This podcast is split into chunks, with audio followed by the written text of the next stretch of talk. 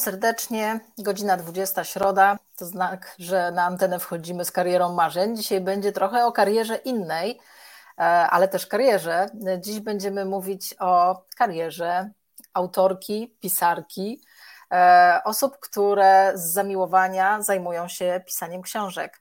E, tak rozpoczynamy nowy cykl Piszę, bo lubię. E, i mam nadzieję, że on też będzie się cieszył taką popularnością, jak się cieszą te wszystkie poprzednie. Moim gościem dzisiaj jest Karolina Janowska. Witam Cię, Karolina. E, Karolina, Karolina jest autorką czterech wielkich tomów, słuchajcie, opowieści celtyckich. E, ale zanim o książkach, to najpierw o Karolinie. Karolina, prośba, jakbyś mogła kilka zdań o sobie powiedzieć, żeby osoby, które nas oglądają, mogły Cię poznać. Witam wszystkich serdecznie. Ja się nazywam Karolina Janowska, jestem mieszkanką Rumi, yy, aczkolwiek pochodzę z Gdyni, więc z pięknego Trójmiasta. Yy, co mogę o sobie powiedzieć? No, jestem mamą pięcioletniego synka, posiadam dwa koty, z czego jestem niezmiernie dumna. Yy, oczywiście, jak każdy, pracuję zawodowo, natomiast w wolnym czasie, kiedy tylko go mam, no to piszę powieści, a przynajmniej się staram pisać powieści. E, piszę również artykuły do takiego magazynu Lente, e, co mi daje równie dużą satysfakcję. Co ciekawe, obie te e, czynności, działalności to jest właśnie pasja i fascynacja, a nie, nie jakby mm, chęć zrobienia kariery zawodowej. Także całkowicie, całkowity wolontariat tutaj mogę powiedzieć. Rozumiem, że kar kariera pisarki robi ci się jako skutek uboczny. O, kariera, to od razu kariera. jako skutek uboczny, tak. E, słuchaj, Karolina, jesteś absolwentką e, filologii klasycznej i, i barystyki na Uniwersytecie Gdańskim. W ogóle z wykształcenia nauczycielem łaciny. Podziwiam e, i trochę zazdroszczę. E, ale też aktualnie jesteś wykładowcą e, literatury hiszpańskiej w Szkole Ateneum w Gdańsku. Powiedz mi, skąd zamiłowanie właśnie do tych języków i do, do, do takiego kierunku edukacji? E, w zasadzie to zamiłowanie do hiszpańskiego to jest bardziej, bardziej kwestia zawodu, bardziej też kwestia potrzeby zawodowej, natomiast moim takim największym zamiłowaniem to jest język włoski, o dziwo. E, natomiast pierwszym językiem, mm, dajmy na to tym romańskim, tak, bo łacina to jest de facto język martwy i od niej pochodzą języki romańskie, to właśnie była łacina. I to się zaczęło od lekcji w szkole średniej. Ja chodziłam do takiej szkoły SL i to jest Salezjańskie Liceum Ogólnokształcące i bardzo dobrze trafiłam. I tak się składa, że e, mi ten przedmiot ogromnie przypadł do gustu. E, okazało się w miarę upływu czasu, że jestem w tym dobra, a jak człowiek jest w czymś dobry, to się w tym rozsmakowuje. E, miałam bardzo, bardzo dobrą nauczycielkę, panią, Hanią, panią Hanię Woźniak, wspaniały nauczyciel, to był jeszcze nauczyciel z powołania. To był nauczyciel z powołania i jakby bardzo dużo mi, ona bardzo dużo wniosła w tą moją naukę języka, e, języka łacińskiego. Y, co istotne, łacina jest takim językiem bardzo logicznym. Ona jest bardzo poukładana. To jest taki język, który można zaszufladkować. Ja zawsze mówiłam, że ona ma kilka szufladek i jakby w każdej jest odrębny dział, tak? Y, na przykład gramatyka osobno, słownictwo osobno. Myślę, że to mi się y, bardzo spodobało. I ja mam takie, takie, taką teorię, że człowiek albo się rodzi z inklinacją do języków powiedzmy romańskich, albo do języków germańskich, albo do słowiańskich, w zależności od tego, jakiego mózg chodzi, tak pracuje.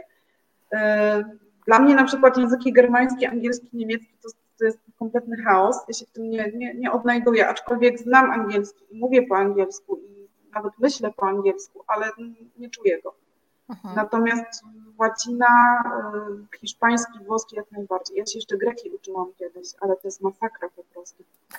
Pozdrawiam, pozdrawiam moich wykładowców z języka greckiego. Mam nadzieję, że tego nie oglądają. Także. A powiedz, czy samo studiowanie, a powiedz, czy samo studiowanie, bądź też już e, posiadane umiejętności już po tych studiach, czyli posiadanie umiejętności mówienia w, w tylu językach jednak obcych, czy sprzyjało, albo też e, czy ty świadomie na przykład, nie wiem, podróżowałaś, żeby gdzieś tam w boju ten język wykorzystywać, albo też historię e, trochę poznawać tych miejsc? Oczywiście, z tym, że nie na studiach, bo na studiach mhm. nie bardzo miałam za co i nie bardzo miałam kiedy, bo to były takie czasy, że stypendium wynosiło 250 zł. Ja studiowałam dziennie, więc było trochę krucho, bo w dzisiejszych czasach studenci na ogół studiują i pracują i łączą pracę ze studiami. Natomiast 20 lat temu takich możliwości nie było jeszcze. Ale jak tylko skończyłam studia, poszłam do pracy i się usamodzielniłam, to się zaczęły podróże i przede wszystkim, mm, przede wszystkim Włochy, bo ja kocham Italię, jestem zakochana w tym kraju. No i wiadomo Rzym.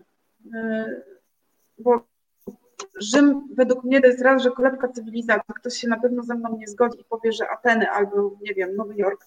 Natomiast dla mnie Rzym jest po prostu fundamentem wszystkiego, jeżeli chodzi o, o naszą cywilizację europejską. Więc ja do Rzymu masę razy jeździłam. Musiałam tam każdy kamyk dotknąć, z każdym Włochem mhm. pogadać po włosku. E, po niestety się nie udało, nawet w Watykanie się nie udało. Natomiast podróże tak jak najbardziej, żeby się dokształcać, żeby szlifować język, żeby poznawać historię. I tak ten mój ulubiony kierunek, myślę, to jest jednak Śródziemne Morze. Włochy, e, Grecja, w ogóle byłam bardzo mile zaskoczona greckimi wyspami, bo mi się zawsze wydawało, że nie Grecja lądowa, natomiast te wyspy są przepiękne. Yy, wcale się nie dziwię, że poezja, poezja grecka kwitła na wyspach właśnie, na Dodekanezie między innymi. Yy, stamtąd pochodziła przecież Safona, Alkaios. Yy, uwielbiam też Afrykę Północną, także Maroko, Tunezja, Egipt. W Egipcie przez jakiś czas mieszkałam, ale to historia rodzinna. No i w Egipcie też wszystkich kamlotów trzeba było podotykać, wszędzie wleźć w każdy, w każdy grobowiec możliwy. No, ja myślę, że to taka, nie chcę brzydko powiedzieć, że taki świr, ale no coś w tym jest. Aha. Ostatnio w zeszłym roku byłam w Maroku i mieliśmy w programie zwiedzanie Wolubyli, takiego miasta antycznego, więc się ze mnie wszyscy śmieli, że ja do każdego kamienia podchodziłam i musiałam odmacać, dotknąć. Jeszcze mówili, dobrze, że się nie całujesz z tymi kamieniami. To jest do tego stopnia u mnie ta, ta choroba. Wszystkie kamloty ściągam do domu, jakie tylko mogę. Przemycam w kieszeniach, także mam kamień z Aten, z Akropowu, jakieś tam kamyczki z Egiptu i przy każdej przeprowadzce, a miałam 10 przeprowadzek w ciągu mojego życia, to wszędzie te kamienie tak, tak targałam ze sobą. Także czasami ci panowie tragarze się pytali, jest, ty masz w tych walizach kamienie? Ja mówię, no tak, kamienie. A powiedz, a powiedz w takim razie, to skąd ci się wzięły te opowieści celtyckie? A opowieści celtyckie to jest w ogóle tytuł, który mi nadało wydawnictwo, bo mój tytuł to był Wielki, zaraz, Wielki Król Wojowników bo to dosłownie oznacza imię Vercingetorix, ale wydawnictwo stwierdziło, że to się nie sprzeda, że opowieści celtyckie się sprzedadzą. Natomiast ja się samymi Celtami jako takimi nie fascynowałam, Aha. bo to miała być książka o Juliuszu Cezarze Aha. I o Vercingetorixie, czyli o tym jego jakby głównym wrogu galijskim, czy znaczy wrogu, no to jest dużo powiedziane, bo Vercingetorix był po prostu przywódcą powstania i tak mu się w życiu ułożyło. Natomiast jakby głównym zamysłem tej książki była, było ukazanie rywalizacji między nimi y, dwojgiem. No a to jak wiadomo, przy pisaniu książek, no to wyszło jak wyszło i, i ci Celtowie jakby pałeczkę przejęli, a jak już się Celtowie, że tak powiem, wkradli w pisanie, no to ja zaczęłam zgłębiać tą kulturę. No i spodobało mi się. Tak. Mhm. Bo wiesz, bo y, Pytanie, czy, czy właśnie takie zgłębianie historii albo miejsc, czy, czy pomaga w ogóle w pisaniu, bo e, znana bardzo Katarzyna Bonda swego czasu powiedziała, że zanim cokolwiek napisze, to kilka par butów musi zedrzeć, bo ona musi każde miejsce kilka razy obejść, obejrzeć, dotknąć, powąchać. E, ona po prostu musi tym przesiąknąć, żeby potem dobrze czuć się w tym klimacie, który opisuje. Czy też tak masz, mhm. powiedz, bo bo co innego napisać jakąś krótką książeczkę, a co innego napisać cztery opasłe tomy, a opowieści celtyckie, e, słuchajcie, Karoliny Janowskiej, to są cztery tomy, no to trzeba już e, e, potrafić się odnaleźć w tych historiach i, i i też czytałam recenzje na temat e, tych Twoich e, wydanych książek.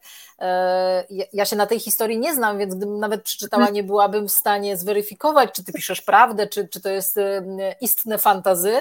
Natomiast osoby, które czytają takie, takie powieści, są w stanie zweryfikować, czy Ty się mijasz z, z prawdą historyczną, czy tam jest dużo fantazji, czy, czy jednak dużo faktów historycznych i wiele opinii, wiele recenzji było takich bardzo pozytywnych dla Ciebie, że właśnie to to, to nawet nie powinno być zakwalifikowane do takiej kategorii fantazy, tylko bardziej do, do, do powieści historycznych, więc e, myślę, że to wielka praca po Twojej stronie, taka, taka poznawcza, zanim się wzięłaś za to pisanie. Powiedz, jak Ci z tym szło?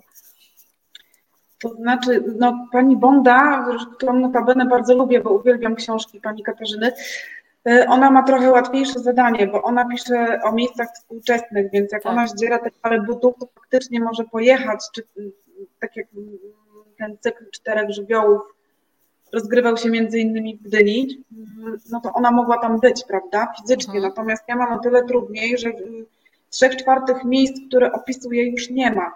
Mhm. Więc ja faktycznie się do Rzymu najeździłam, że tak powiem, zlazłam to forum Romanum w prawo, w lewo, włóczyłam się po wszelkich możliwych bazylikach, z tym, że no, to, są, to są ruiny. Więc e, ja się tego i nadotykałam, i nawąchałam, i ocierałam się o to, i, i tarzałam prawie, że w, w tych ruinach. Natomiast jakby nie jestem w stanie, mm, opierając się tylko na podróżach, odtworzyć tego, tego tych mhm. miejsc, prawda? Więc ja musiałam tutaj taką trochę katorżnicą, katorżniczą pracę wykonać, mianowicie przewertować wszelkie możliwe książki na ten temat. Mhm. No i tak się składa, że na studiach miałam archeologię Rzymu, więc generalnie ja się opierałam na, na podręczniku do archeologii. E, archeologia to był najgorszy chyba egzamin, jaki miałam w życiu. Się uczyłam do niego dwa tygodnie, dzień w dzień, pamiętam. Przed samym egzaminem pani doktor wyjechała do Indii, to myśmy myśleli, że tam dostaniemy zawału. Tak dzień przed egzaminem nam oznajmiła, że nie. Ale w każdym razie tą archeologię od deski do deski. No i przede wszystkim mm, książki historyczne, wszelkie możliwe blogi, mm, artykuły, wszystko co jest w mhm. internecie, na stronach polskich, włoskich, angielskich, także ja sobie robiłam nawet, wyszukiwałam sobie w Google'ach, Google Earth, miejsca, które opisuję i robiłam sobie topografię, mapki, żeby wiedzieć, jakie było ukształtowanie terenu. Yy, chciałam bardzo do Francji pojechać, ale, żeby odnaleźć to miejsce, tak, gdzie była bitwa yy, tą historyczną Alezję i w ogóle sobie tam pojeździć, no ale niestety fundusze nie, nie pozwoliły, więc albo Rzym i, i odtwarzamy szczegółowo Forum Romanum, domy rzymskie i tak dalej, no albo Francja. No i ponieważ ja jestem miłośniczką Rzymu, no to postawiłam na Rzym i też chciałam, żeby te y, jakby to tło historyczne było jak najbardziej realne. No bo o ile ja to Morze Egejskie, gdzie, gdzie Cezar na statku piratów przesiedział dwa tygodnie, znam z autopsji, bo akurat miałam tą okazję sobie popływania po tym morzu, no to y, te wszystkie sceny, które się dzieją w Gali, no to one są na podstawie tylko i wyłącznie książek, opisów, źródeł internetowych i tak dalej. Ja tam fizycznie nie chodziłam, natomiast starałam się je odtworzyć jak najbardziej realnie, żeby to było prawdziwe. No i oczywiście jak się pisze powieść historyczną, no to trzeba bazować na źródłach, bo Oczywiście te wszystkie dialogi, które ja tam wsadzam w usta Cezara czy innych bohaterów, no to to jest mój wymysł, tak? Natomiast e, w książce są przytoczone autentyczne mowy, czy Cycerona, czy mowa Cezara tam chyba się pojawia. E, są fakty historyczne, jest spisek Kateliny prawdziwy, cała wojna galicka jest przecież e, wzorowana na, na Cezarze. Moim głównym źródłem tutaj była wojna galicka Cezara. W wersji łacińskiej, w wersji polskiej Także to było główne źródło. No i pisarze antyczni przede wszystkim. Dlatego, że oni. A to, ciężka, naj... ale to, to, ciężka praca, to trzeba mieć pasję do tego i podejrzewam cię, że, że masz pasję do tego, tak? Herodot, y, Ksenofont, także takie kobyłki. No to się czytało. No ale to, to, to trzeba lubić. No ale to wiadomo, jak ktoś pisze o średniowieczu francuskim czy, czy skandynawskim, no to będzie w tym siedział, tak? Ja na przykład bardzo podziwiam Sigrid Unset, autorkę Krystyny Cukki-Lawrensa, przecież ona też ogromną pracę włożyła w swoje dzieło, pisała ją kilkanaście lat. No i to, to, to środowisko, ta, ta rzeczywistość średniowiecznej Norwegii jeszcze przed, przed Boże, się stuleciami, przed reformacją, bo tam jeszcze jest, tam jest opisana Norwegia chrześcijańska, no to wymagało ogromnego wysiłku od autorów. To były lata dwudzieste, tak? Początek zeszłego stulecia. Nie było internetu, nie było przecież mediów. Mhm. Ale tak powiedz, bo oprócz tych faktów historycznych, które, które oczywiście z pasją zgłębiałaś, byłaś w stanie to jakoś połączyć, ale i tak uważam to jednak majstersztyk, żeby w takich czterech tomach się nie pogubić i jakiś taki wątek historyczno-dziejowy zachować, to, to w Twoich dziełach e, pojawiają się też e, inne wątki, na przykład wątki miłosne, no generalnie jakieś historie, historie ludzkie tam się przewijają. Czy podczas pisania takich powieści robi się jakąś mapę? Halo, halo Karolina, chyba się za, zawiesiło. Dajcie znać, kto jest z nami, czy tylko u mnie Karoliny zamroziło.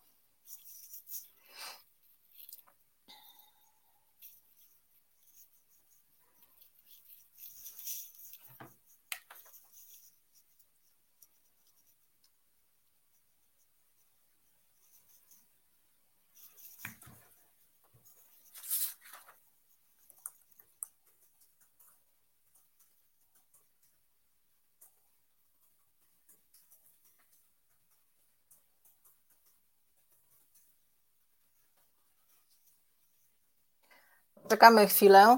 Myślę, że spróbuje nam się Karolina połączyć jeszcze raz.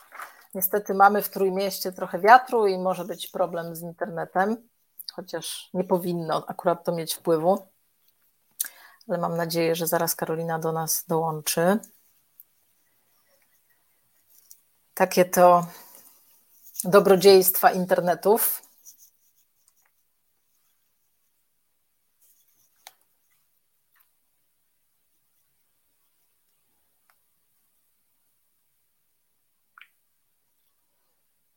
Napiszemy do Karoliny.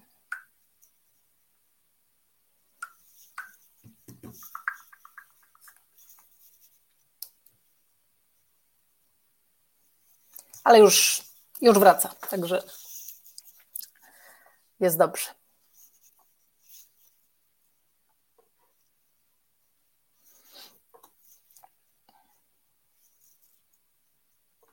A ja w chwili oczekiwania na Karolinę chciałam dać znać, że jeżeli ktoś ma ochotę na zakup książek Karoliny, to są one do, dostępne do kupienia z autografem e, autorki w sklepie I'm sklep. Jest też, e, jest też możliwość e, po pierwsze wykupienia E, poszczególnych egzemplarzy z autografem autorki, ale też jest możliwość wykupienia cztery, całego pakietu. E, I też e, będziemy mieli na koniec dla Was małą niespodziankę. Karolina jest już z nami, więc wracamy. Są, u nas strasznie wieje, więc być może dlatego, bo są straszne huragany, wichury i, i, i tak to się niestety tutaj u mnie w Gdańsku dzieje. Przepraszam najmocniej. Nic nie szkodzi. E, powtórzę pytanie, bo nie wiem, ile słyszałaś z mojego pytania. E, czy, czy oprócz tych wątków historycznych, które oczywiście też są wyzwaniem, żeby jakoś uporządkować, taki e, logiczny ciąg historyczny zachować, czy, czy wydarzeń, to ty wplatasz w to też wątki takie powiedzmy sobie osobiste, miłosne, różne. Więc czy, jak sobie z tym radzisz? Bo są pewnie różne techniki podczas pisania takich długich powieści. Czy, czy miałaś, nie wiem, jakąś, jakąś mapę, nie wiem, na ścianie, jakieś niteczki, jak profilerzy na przykład robią, czy miałaś to wszystko po prostu w głowie? Nie, to się samo działo. Ja się zawsze śmieję, że moi bohaterowie to się rządzą, oni robią co chcą, a ja tylko nadążam nad nimi, za nimi i to jest tak, tak, tak, spokojnie już będę pisać tak, jak wy chcecie bo tam są takie wątki, e, jest taki wątek, w którym e, jakby matka głównego bohatera w pewnym momencie nawiązuje romans z Cezarem, no i tego nie miało być. Ja tego nie planowałam od samego początku, no ale jak oni się spotkali, no to oni stwierdzili, że jednak... Zaiskrzyło. Tak, zaiskrzy między nimi. No i ja, ja musiałam to tylko opisać. Ja się tak śmieję, że niektóre, e, niektóre wątki są jakby z góry opracowane i ja wiedziałam, że będzie tak, że żona Wercingetoryksa będzie miała to nieślubne dziecko z Cezarem, bo to dziecko będzie jakby gwarantem później tej wolności, bo ja trochę, trochę przeinaczyłam fakty historyczne mimo wszystko, bo Wercingetorix w tym więzieniu został uduszony, a mój Wercingetorix jednak ucieka, także historycy mnie za to osądzą i ocenią. Więc dałaś pewne... mu drugie życie, dałaś mu drugie tak. życie. Więc jakby pewne wątki przychodzą same, a niektóre są, y, pojawiają się, niektóre są opracowane od początku. I w zasadzie ja nie mam nad tym kontroli. Mhm. Jak, jak ktoś sobie coś wymyśli z moich bohaterów, to po prostu to robi. I to w każdej mojej książce wychodzi, że, że ja w pewnym momencie jakby mam tą, tą nić przewodnią, ten plan, a i tak się dzieje, co chcę. Ja tą książkę pisałam 10 lat. Zaczynając lat 22, skończyłam w wieku 32 z kawałkiem. Zanim udało mi się to wydać, no to też jeszcze trochę potrwało. Więc, no to chcę Ci powiedzieć, że są, że są z nami tutaj bratnie dusze Twoje, bo o. tutaj komentarz od Agnieszki, że uwielbia to, że samo się działo, zna to z autopsji. Tak. Więc, więc na tych samych falach nadajecie. E, słuchaj, a, a trochę, trochę jeśli chodzi o to pisanie, e, czyli o taki mhm. sam warsztat, e, powiedz, czy te wszystkie cztery tomy powstawały jakby jako jedna historia i tylko one potem dla potrzeb wydawniczych zostały podzielone, tak. czy pisałaś jednak poszczególne te tomy oddzielnie? Nie. To było, to było zaplanowane jako jedna całość. Natomiast w momencie, kiedy ja byłam mniej więcej w połowie, jakieś tam wychodziło 500 stron, no bo to, to całość, gdyby policzyć w stronach mordowskich, to to ma 1000, około 1100-1200 stron. I w połowie, bo ja miałam taki etap, że jakby po drugim tomie, bo to wychodzi drugi tom, ja się wypaliłam. Ja mówię, dobra, muszę sobie odpocząć od tych wszystkich mhm. celtów i Rzymian. No i wtedy wpadłam na to, żeby to wydać. Natomiast wszystko było zaplanowane jako jedna książka, ale wydawnictwo stwierdziło, że, że y, nie wyda takiego wielkiego tomiska, dlatego jakby oni to podzielili. Tak? Mhm. Wydawca wpadł na pomysł podzielenia tego najpierw na trzy tomy, a później stwierdził, że jednak cztery tomy wyjdą. Że to będzie tetralogia. A czy łatwo było znaleźć wydawcę, który chciał z Tobą to wydać? Bo dzisiaj, e, dzisiaj jest bardzo łatwo e, robić cokolwiek, ale w takim self-publishingu albo vanity publisher, tak. czyli, czyli e, autor płaci sam za swoje dzieło, ma duży wpływ też na to, jak wygląda książka, jaki jest tytuł, jak wygląda okładka, praktycznie o wszystkim może zdecydować decyduje, bo płaci. Natomiast znalezienie wydawnictwa, które chciałoby sfinansować albo współfinansować wydanie, wcale nie jest tak łatwo, bo coraz więcej osób się bierze za pisanie. Może kiedyś też pisali, tylko pisali bardziej do szuflad, a dzisiaj chcą to publikować. Więc pytanie, jakie są Twoje doświadczenia z szukania takiego wydawcy, który chciałby trochę zainwestować w Twoje dzieło? No ciężkie. Szczerze mówiąc, ciężko było, bo mm, ja wydawałam książki 13, 2009 rok, to 13 lat temu i nie było, to znaczy media nie były tak powszechne, social media, w ogóle nie było czegoś mhm. takiego. E, takie wydawnictwa jak na przykład Zyskiska, czy Pruszyński, czy, czy no jakieś tam inne fabrykaty, one nie odpisywały, bo ja wysyłałam, e, to się nazywało propozycja autorska, więc pierwszy rozdział na przykład się wysyłało do nich, no i oni się nie odzywali zazwyczaj. To, to nie tak jak teraz, że pisarz sam sobie wydaje książkę na zasadzie self-publishingu albo ją publikuje, e, dajmy na to na Facebooku albo na blogu, bo ma taką możliwość i sam się promuje, albo w, na przykład w samowydawcach, albo w innym, w innym takim e, stowarzyszeniu powiedzmy. Natomiast było tak, że to robiło tylko i wyłącznie wydawnictwo. Mhm. I żeby znaleźć takie wydawnictwo, które chciało, no to ja się trochę nagimnastykowałam i pamiętam, że w 2009 to Nowa Rest, wydawnictwo w Gdyni, ono się otwierało. I oni byli chętni do współpracy, bo oni szukali też debiutujących autorów. No i tak się ta współpraca zaczęła. Oni zaczynali od małego nakładu, bo tam było chyba 200 egzemplarzy, z opcją wznowienia i to, była, to było wydanie ze współfinansowaniem, więc ja pokrywałam 50% kosztów. Natomiast czy ja tak do końca miałam wpływ na kształt książki? I tak i nie bo korektę mi robiło wydawnictwo, drugą korektę wykonywałam ja, dalej oni. Natomiast po korekcie ja już nie mogłam niczego zmienić. No i w zasadzie o okładce, o wyglądzie, o papierze, takich szczegółach książki to też oni decydowali. Także to na tej zasadzie wyglądało. I chyba do dzisiaj, tak, nie wiem, czy do dzisiaj tak wygląda, bo nie publikowałam z nimi już ładnych parę lat. Od 2017 roku, więc 5 lat już z nimi nie publikuję. Znaczy nie publikuję, bo nie mam czego publikować. E, bo tak jestem w trakcie pisania książki, ale to tak mi mozolnie idzie przy opiece nad dzieckiem, że, że szkoda gadać. Bo o ile kiedyś miałam czas, żeby sobie usiąść wieczorem, coś tam mhm. pisać, to teraz to się zdarza raz na pół roku, że z rozpędu coś napiszę, no ale też jakby życie zawodowe jest inne, bo ja bardziej teraz się skupiam na doktoracie i na, na pracach moich studentów niż faktycznie na pisaniu książek. Boże, znowu nas wyrzuca chyba? Nie, na szczęście nie. Jeszcze Cię dobrze słychać. Troszkę się e, obraz e, zawiesza, ale, ale e, do, bardzo dobrze Cię słychać. Natomiast wiesz co, bo ja bym chciała też, żeby te wywiady takie autorskie, które, które dzisiaj trochę rozpoczynamy wywiadem z mhm. Tobą, żeby też były takim sygnałem dla osób, które myślą o tym, czy pisać, a jeśli już piszą, to myślą o tym, czy wydać i jak wydać, żeby to też była taka pomoc już doświadczonych osób, które to już przeszły i, i wiedzą, z czym, to się, z czym to się wiąże, żeby im też trochę poopowiadać tych historii, bo, bo to nawet nie chodzi o to, żeby sugerować coś, każdy musi podejmować mhm. własną decyzję, ale żeby też o, o, swoich doświadczeniach powiedzieć. To gdybyś ty dzisiaj mogła wybierać i, i, i jakby kwestia finansowa nie byłaby dla ciebie problemem, to wolałabyś e, sama wydać i o wszystkim decydować i potem sprzedawać tak, jak sobie to E, byś wymyśliła, czy jednak e, taka współpraca z wydawnictwem, które finansuje, nadal byłoby preferowane przez Ciebie? Chyba jednak nie, chyba jednak z wydawnictwem nie, dlatego że tam są pewne obostrzenia, ograniczenia. Yy, też do końca nie mam wpływu na przykład na ilość sprzedawanych książek, na to, gdzie one trafiają, na jakie półki. Yy, te obostrzenia są takie trochę, dajmy na to sztywne, są określone przepisy w każdej umowie wydawniczej. To nie jest takie do końca elastyczne. I też mam wrażenie, że wydawnictwa jakby nie, nie skupiają się na promocji autorów. On, wydawnictwo wyda książkę i dalej autorzy radź sobie mhm. sam. Y, natomiast przy self-publishingu to, to, to czy, czy y, no tak, no self-publishing, no to ja decyduję, tak, czy chcę istnieć w tych mhm. mediach, czy nie chcę, ile, ile egzemplarzy chcę wydać, do jakich ludzi chcę trafiać.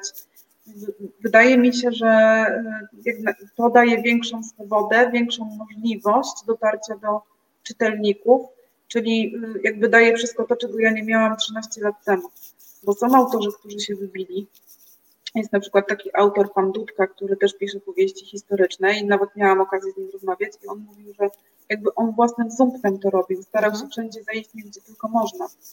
E, ja też trochę to zaniedbałam, bo e, jakby liczyłam, że wydawnictwo to zrobi w pewnym sensie za mhm. mnie i to był mój błąd podstawowy, bo z perspektywy lat wiem, że to autor musi zabiegać i autor musi koło tego chodzić i się starać i no i po prostu dbać o to, tak, żeby, żeby zaistnieć, żeby się wybić, żeby dotrzeć do, e, do publiczności.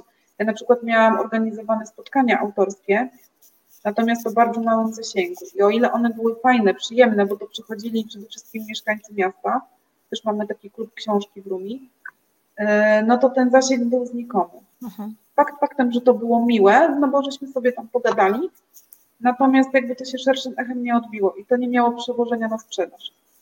Więc gdybym ja dzisiaj miała e, publikować książkę, to zrobiłabym to zupełnie inaczej. I, młodym pisarzom też odradzam wydawnictwo, zwłaszcza wydawnictwa non-profit, Natomiast polecam samo, samo wydawanie, bo wydaje mi się, że to jest jednak w dzisiejszych okolicznościach i przy dzisiejszych możliwościach, których te, te 15-13 lat temu nie było, to to jest lepsza droga.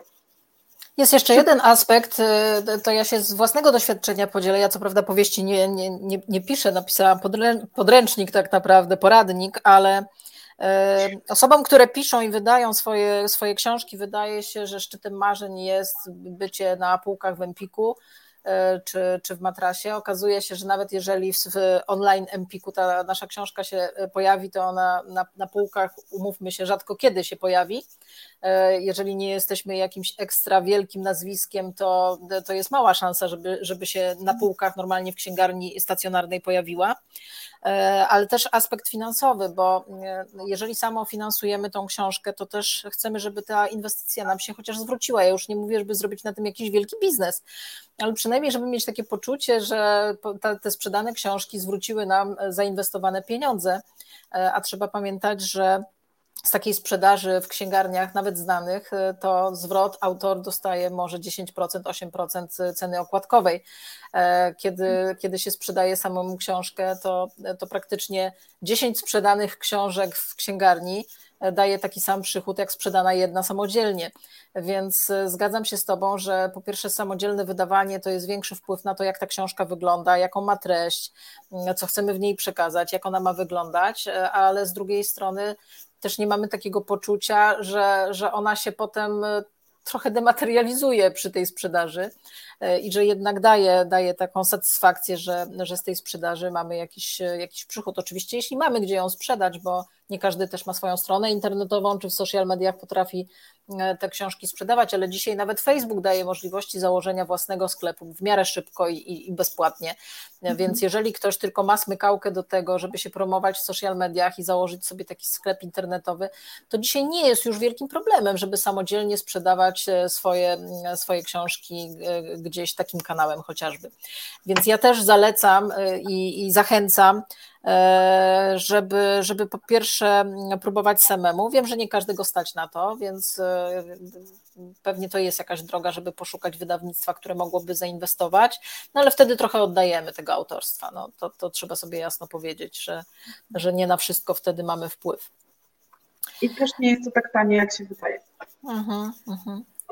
A powiedz, czy oprócz, czy oprócz opowieści celtyckich, e, do których zakupu namawiam, bo, bo Karolina zdecydowała się na wstawienie książki do sklepu Heim, więc zachęcamy, a w ogóle z hasłem Karolina jest, słuchajcie, ci, co nas słuchają, co są z nami, więc na, na hasło Karolina jest e, specjalna zniżka, próbujcie.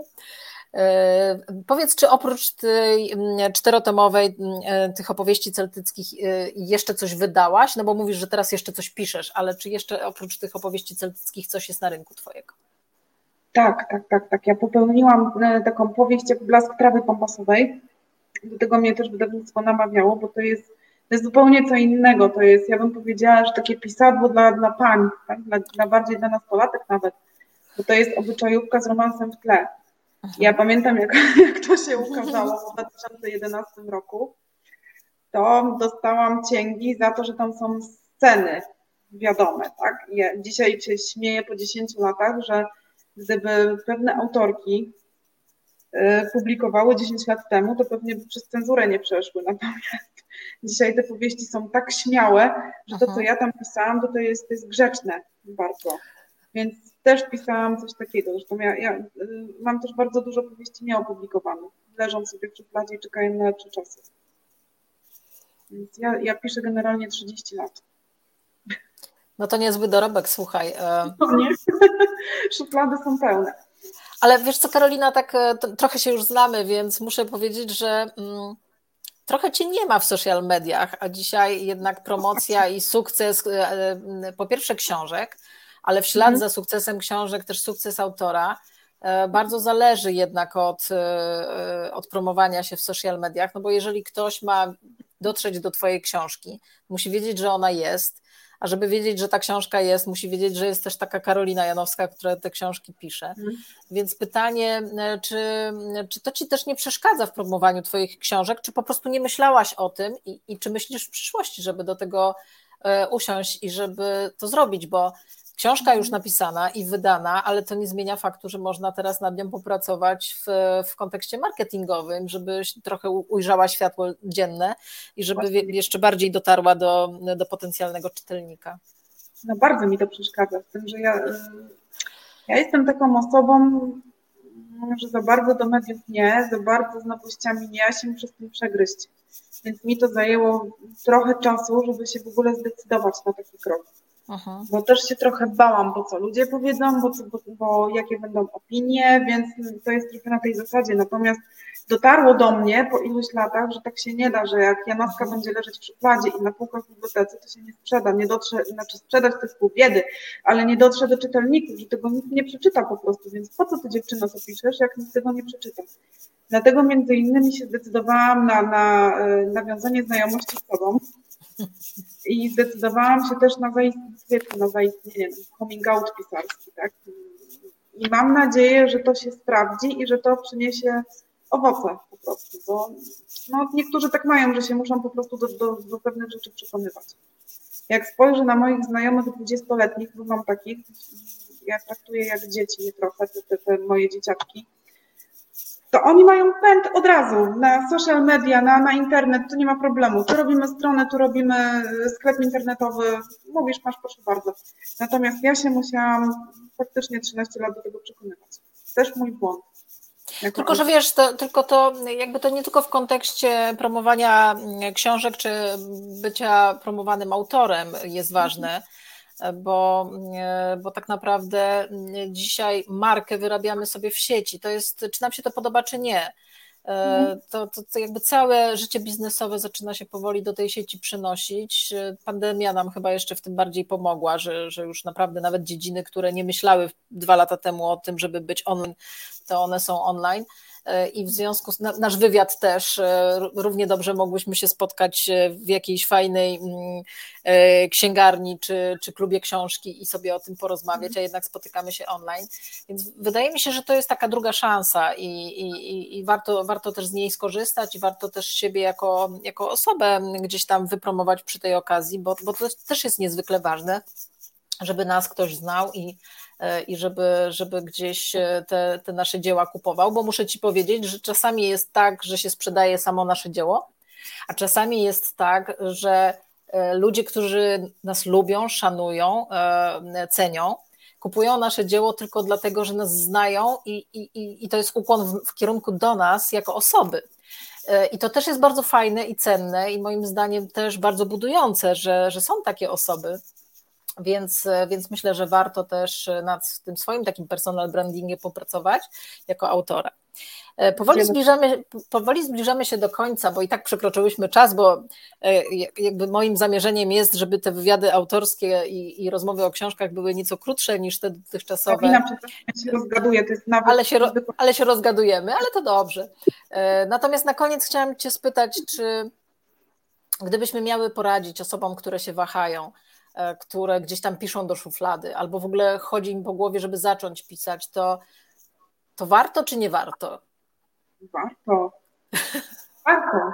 Warto, bo jeżeli mamy coś w głowie i mamy coś w sercu i chcemy to wyrazić, to zawsze warto. Czy to będzie książka, czy to będzie muzyka, to będzie obraz, tak?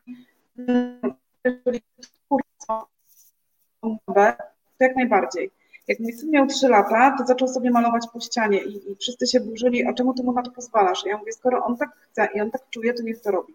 Się i tak zamaluje Więc uważam, że jak komuś to w duszy gra, to niech się wyraża, niech pisze, niech tworzy. To mu doda skrzydeł. Bo wiesz, ja w zapowiedzi do naszego dzisiejszego wywiadu nawet przytoczyłam taką, taką historię, że z jednej strony self-publishing na przykład jest bardzo krytykowany, że to strasznie obniża wartość literatury, która się pojawia gdzieś tam na, na, na półkach księgarni. Ale, ale z drugiej strony tego jest tak dużo, że naprawdę nikt nikomu nie zabrania sięgać po tą właściwą i e, dokonywanie własnych wyborów, co chce czytać i co chce kupować do czytania. E, oczywiście czasami możemy się naciąć. Ja mam wiele, akurat może nie literatury, ale ale, ale poradników napisanych przez wielkie sławy, naprawdę profesorów wielkich uczelni znanych, utytułowanych e, ludzi. I ja te książki sięgam i po dwóch rozdziałach stwierdzam, nie przebrnę przez to, bo mi się to nie podoba, a sięgam książkę napisaną przez osobę, powiedzmy sobie no name, nie znam jej i ona nie ma żadnych mhm. tytułów i ta książka do mnie przemawia i ja ją czytam i wiem, że ona jest poparta praktyką i doświadczeniem własnym, więc dla mnie to nie jest wyznacznik, ale z drugiej strony też e, no, wielkie nazwiska E, wielkich dzisiaj e, pisarzy, którzy sprzedali miliony egzemplarzy, setki milionów nawet egzemplarzy swoich, swoich książek, pokazują, że oni na początku drogi też byli odrzucani przez wszystkich wydawców po kolei i bardzo ciężką drogę przechodzili, zanim ktoś ich zauważył, więc nie ma się też co, co zrażać, nie ma, nie ma co brać do siebie jakoś głęboko nawet krytykę, która może gdzieś tam się po drodze zdarzyć. Róbmy to, co nam w duszy gra. Mamy tylko jedno życie i niech ono będzie przeżyte po nasz, po, jakby według tego, jak my chcemy, a nie jak ktoś nam dyktuje. Karolina, bardzo Ci serdecznie dziękuję. Cieszę się, że jesteś z nami. Cieszę się, że jesteś też w naszej grupie i, i, być może po tym dzisiejszym e, e, wywiadzie nawet nawiążą się jakieś relacje. E, osób, które myślą podobnie, robią podobnie. E, życzę Ci naprawdę wiele sukcesów. E, nie przestawaj pisać. Myślę, że jeszcze, jeszcze wiele, wiele Twoich książek zobaczymy na rynku i będziemy mogli je czytać, czego Ci bardzo życzę. A wszystkich, którzy chcą posmakować dzieła Karoliny Janowskiej, zapraszam do sklepu i na zniżeczkę z hasłem Karolina po dzisiejszym, po dzisiejszym wywiadzie. Ci, którzy z nami nie mogli być, to oczywiście retransmisja na YouTubie jest jak najbardziej dostępna. Oczywiście będą też podcasty z tej rozmowy, więc zachęcam, kto nie lubi oglądać, a lubi słuchać, to proszę bardzo, wszystko mamy w naszym menu więc e, zapraszam też na kolejne spotkania. Mam nadzieję, że będziemy mieli jeszcze wielu autorów ciekawych w naszym cyklu. Karolina, bardzo serdecznie Ci dziękuję. E, dziękuję Ci również. Dziękuję za to, że zgodziłaś się być z nami. Cała przyjemność po mojej stronie. I dziękuję wszystkim, którzy z nami byli. Żegnamy. Dziękuję.